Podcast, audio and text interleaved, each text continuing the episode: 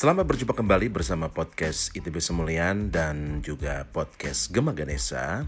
Episode kali ini akan terbagi dua dan tamunya spesial salah seorang CEO dari aplikasi uh, broadcasting asli Indonesia yaitu aplikasi Suara ya. Suara tapi nulisnya Suara dan akan hadir nanti adalah CEO dari uh, Suara itu sendiri yaitu Mas Farid Fadil ya. Dan saya ditemani oleh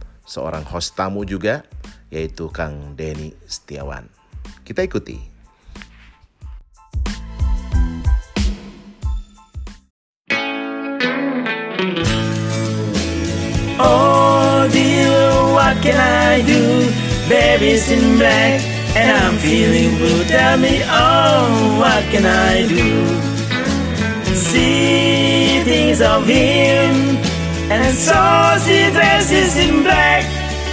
And though he never come back, see it is in black.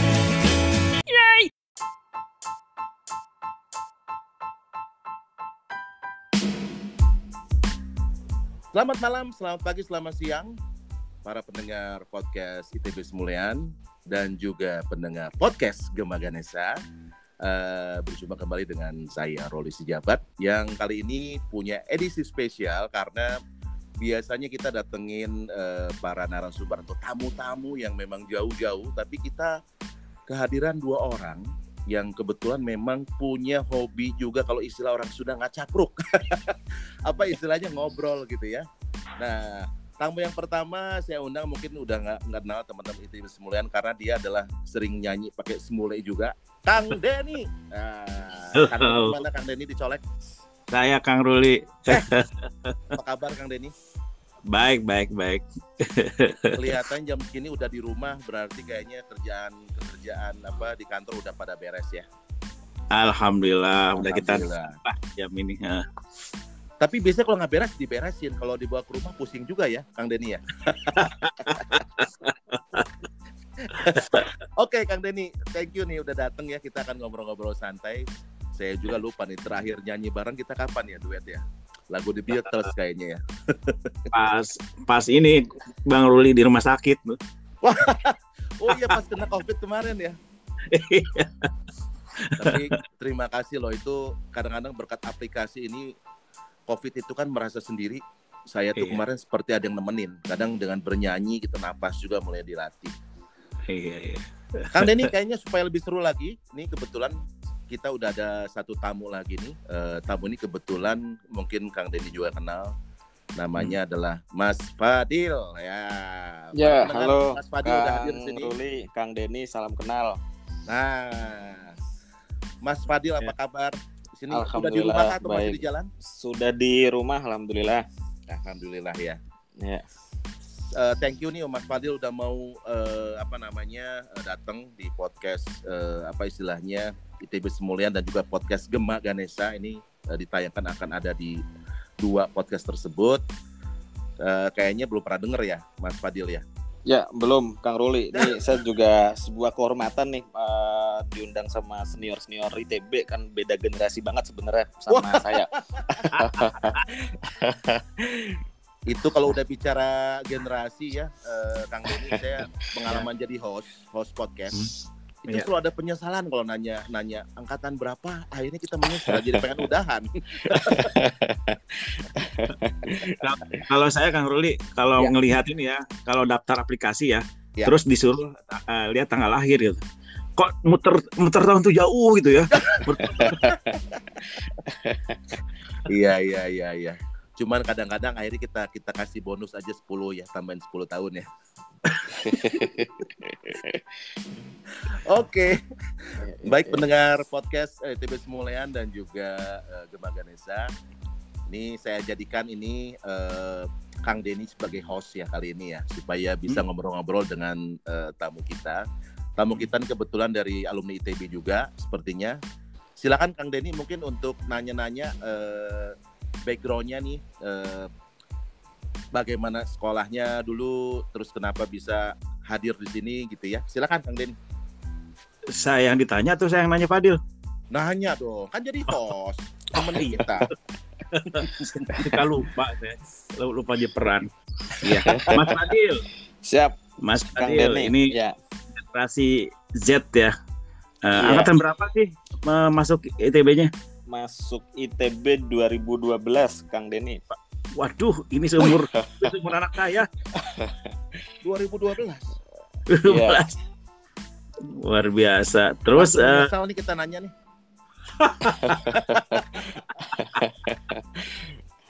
Terus lulus kapan, Mas?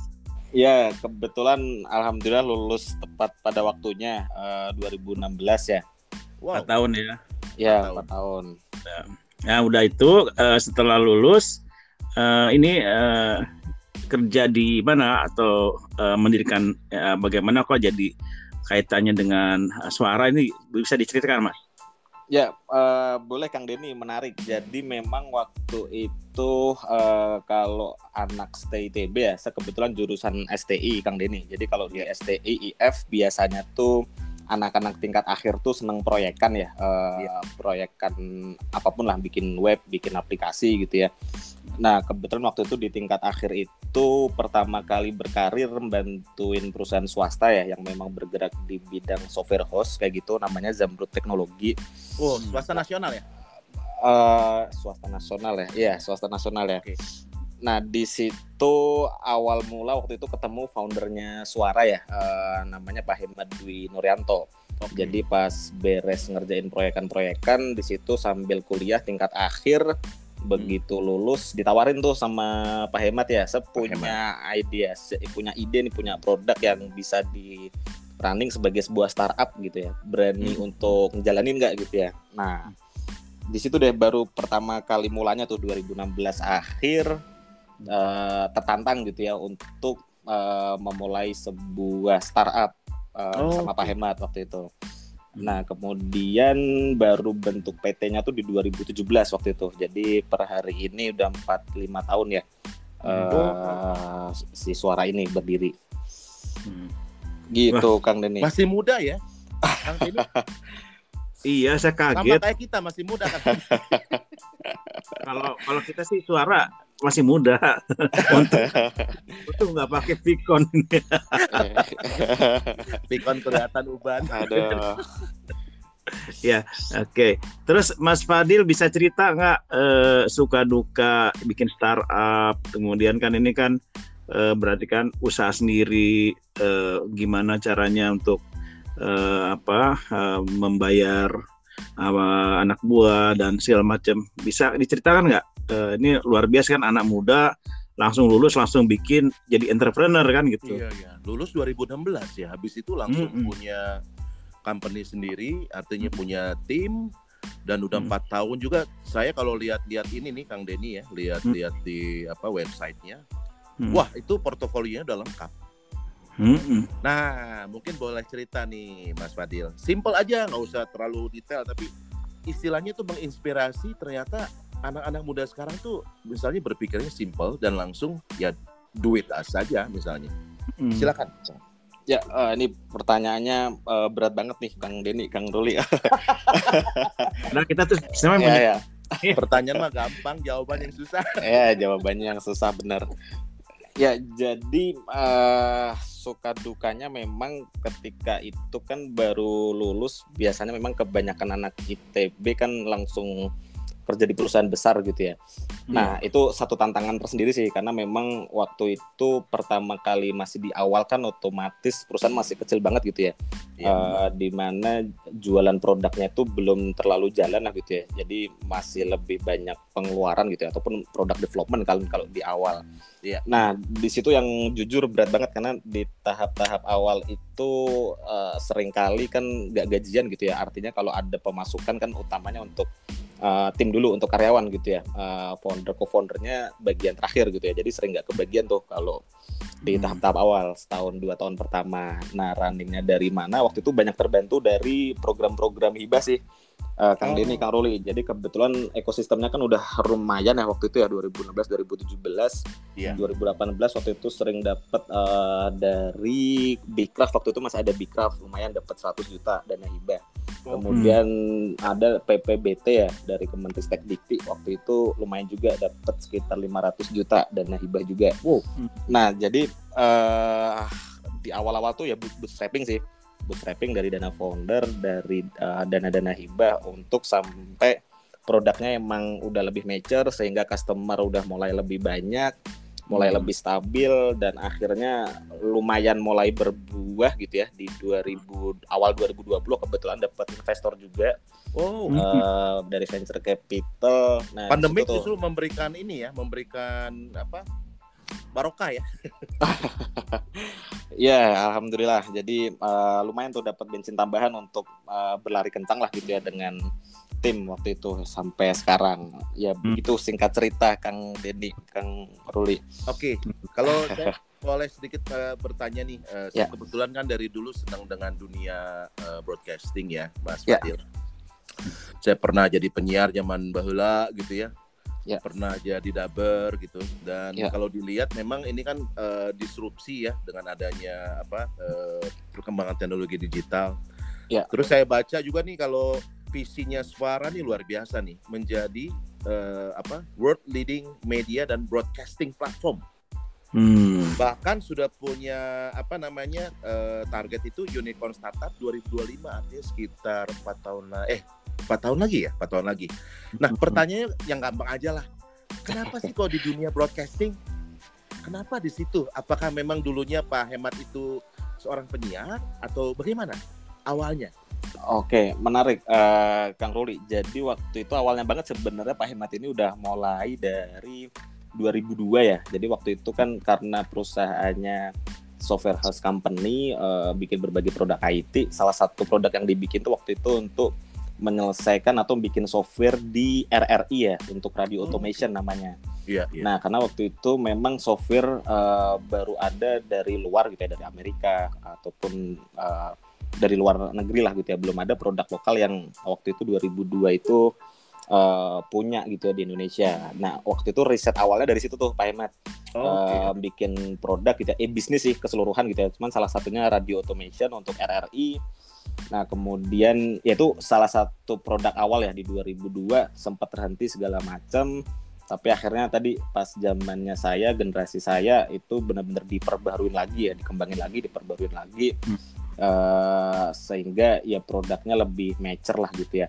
Nah, pertanyaan kenapa broadcasting ya? Karena waktu itu eh, di sudah diawalin oleh Pak Hemat ya di 2002 itu eh, di sana gitu ya. Jadi udah ada hak ciptanya untuk membantu industri eh, broadcasting. Nah, cuman salah satu kenapanya lagi memang yang menarik gini sih Kang Ruli, Kang Denny kan Ya. sekarang memang era disruption gitu ya. Nah, memang yang paling kerasa nih sekarang-sekarang banget nih industri broadcasting ya salah satunya radio kan tertekan ya eh, disruptionnya udah tidak ter ini ya benar tertekan banget gitu ya. Betul Eh, duit iklannya udah mulai menipis menipis menipis terus gitu ya, mulai diambil OTT global. Nah di situ sih apa ya tantangan banget sebenarnya eh, untuk kami bisa membantu industri yang istilahnya sedang terkena dampak yang luar biasa gitu ya. Nah cuman memang nggak gampang sih untuk membantu industri ini ya. industri broadcasting banyak tantangannya tentunya. Iya. iya iya iya Ah, Karena juga gini Kang Denny, kalau Ya. ini saya sedikit cerita ya, saya sedikit cerita. Zaman bahela kita dulu denger radio kan seneng ya kalau kuliah sambil belajar kita putar radio Hmm. dulu di Bandung Hmm. apa radio OS apa radio Ardan temenin kita belajar sampai jam 12 malam Ya. misalnya. Pakai radio Garuda, Kang. Hah, Garuda ya? Ada radio marah ya. Nah, terus kemudian saat kita punya kendaraan gitu ya, kita radio itu menemani saat kita jalan tuh. Eh, dan bahkan sebetulnya orang banyak dengar radio bukan hanya denger musik, tapi dengar orang ngobrol ya. Hmm, hmm, Ya. Bahkan zaman dulu ada tuh satu radio, dia sangat ditunggu acaranya, judul acaranya kalau nggak salah Kang Denny tahu nggak namanya acaranya Buka Pintu. Di waktu di Bandung atau di Jakarta? Bandung, Bandung, Bandung. Itu zaman-zaman tahun 90 something lah. Jadi acara buka pintu selalu ditunggu kenapa? Karena ngomongin tentang pendidikan seks. Ini Michael Tobing. Eh, bukan, bukan. Tapi itu dulu pernah ada acara gitu. Artinya memang radio punya apa eh, peran strategik ya. orang Iya. pengen dengerin gitu ya anak-anak muda gitu kan ya.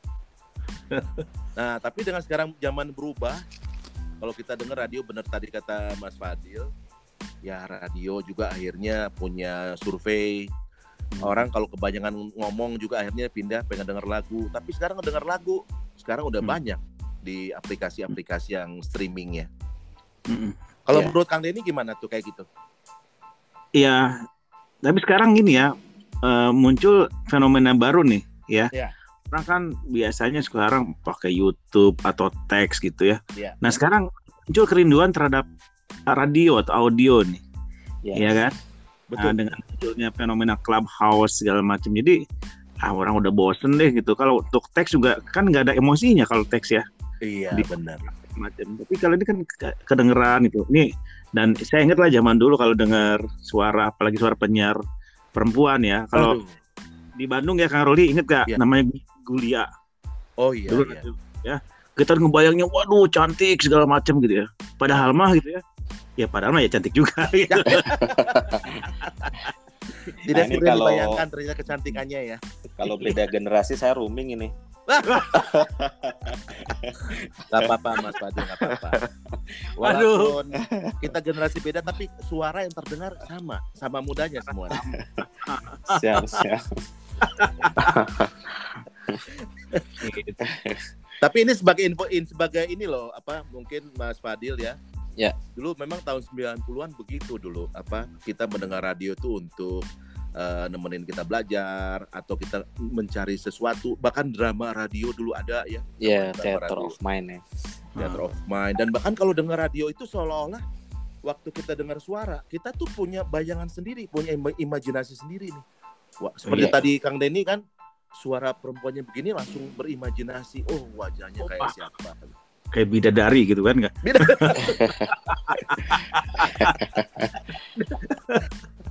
Nah. Kita balik lagi sama Mas Fadil nih Hmm. boleh cerita kan nih Mas Fadil suara nih apa sih kenapa sih pakai V gitu separa Ya, oke, menarik Kang Ruli. Jadi kenapa pakai V biar kekinian aja sih sebenarnya, tapi eh, ngomongnya tetap suara sebenarnya. oke oke Ah, jadi biar kekinian aja. Nah, suara ini pada prinsipnya kita platform Kang Ruli, platform Ya. untuk membantu eh, industri media dan broadcasting ya eh, utamanya. Nah, karena Ya. platform eh, kita punya solusi A sampai Z lah gitu ya untuk eh, dunia broadcasting. Cuman Oke. sesimpel produknya kita cuman dua sih utamanya. Satu itu software untuk manajemen siarannya gitu ya, untuk membantu industri eh, mempermudah proses bisnisnya lah gitu ya oke untuk bikin program acara, untuk musik director bikin playlist, eh, untuk penyiarnya itu nanti siaran gitu ya, melihat program acara yang udah dibuat. Jadi eh, bisnis prosesnya kita digitalisasi semua tuh, pakai eh, suara on air itu produk yang pertama. Iya. Nah produk yang kedua kita juga punya aplikasi Bang Ruli. Oh, Eh, Kang Denny, eh, namanya juga suara juga kebetulan aplikasinya bisa dicobain. Nah kalau aplikasinya tuh lebih untuk pendengar ya. Kalau yang tadi untuk eh, radionya, untuk Mhm. B2B-nya, yang satunya lagi aplikasi ini tentunya untuk eh, semua masyarakat ya, semua pendengar. Nah di aplikasi itu ya banyak hal yang bisa dilakukan sih, banyak hal yang bisa dinikmatin. Jadi eh, seputaran radio, eh, semua radio Sabang sampai Merauke ataupun radio seluruh dunia bisa diakses dari situ, radio streaming. Nah, tapi tentu kalau ngomongin aplikasi kan banyak kelebihan-kelebihan ya Iya, yang bisa iya. ditonjolin tuh. Kalau dulu baru rame radio streaming only, nah sekarang kalau sambil streaming bisa sambil live chatting sama penyiar gitu ya. oh Bisa banyak hal yang ditambahkan, termasuk bisa dengerin playlist musik sama podcast ya, karena kan musik Hmm. dan podcast kaitan erat banget tuh sama radio. Jadi masih seputaran radio, musik, podcast, dan video juga sih eh, ditambahin juga Oh, mainan video juga vid- ya? video juga bisa gitu ya. Mm-mm. Gitu. Nah ini yang menarik Bang Ruli. Jadi kalau Ya. Spotify nggak bisa chatting tuh. Spotify Iya kan? bisa chatting ya Nah, Yes. kalau di sini kita kita bisa kasih komentar, kemudian ya lucu-lucuan lah kayak semule gitu ya. Ya. Nah itu bisa. Nah terus yang menarik nih, kalau semule biasanya ya, kalau saya taruh di Facebook, Ya. kalau udah lagu Beatles itu pasti di ban Bang Ruli. iya ya copyright ya Copyright. Iya, iya, iya, iya, iya. Nah ini kalau kalau di, di, di suara ini ya kebetulan baik nih Bang Bang Fadil ya, ya nggak apa-apa lah dikit gitu. Iya. Dan so far memang legal kok Pak Denny. Kita sudah Siap. ada agreement dengan WAMI ya, Wahana Musik Indonesia sebagai lembaga manajemen kolektif nasional. Oh, Ah, Kalau karena mungkin kalau kalau di Facebook kali wah di Beatlesnya udah marah-marah yuk siaran. Soalnya udah nggak apa-apa lah wah UKM gitu kan. kalau di Facebook mah bukan hanya itu aja di band. Kadang-kadang orang yang terlalu apa eh, lincah ngasih komentar juga di band juga tuh. Beberapa teman-teman tuh.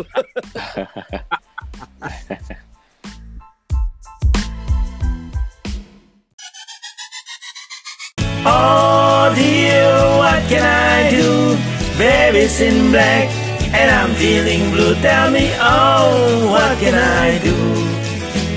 I think of her, but it's only your whim. And now it's only your whim. See things of him.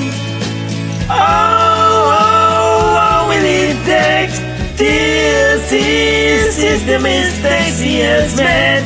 Dear, what can I do?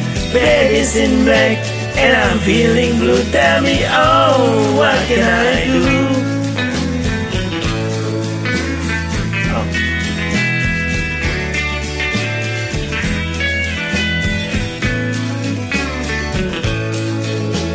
Oh, how long will it take till he sees the mistakes he has made?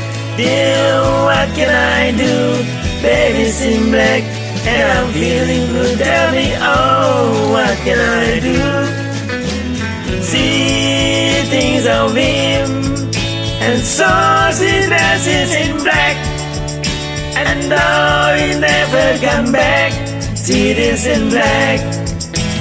Oh dear, what can I do? Baby's in black and I'm feeling blue. Tell me, oh, what can I do?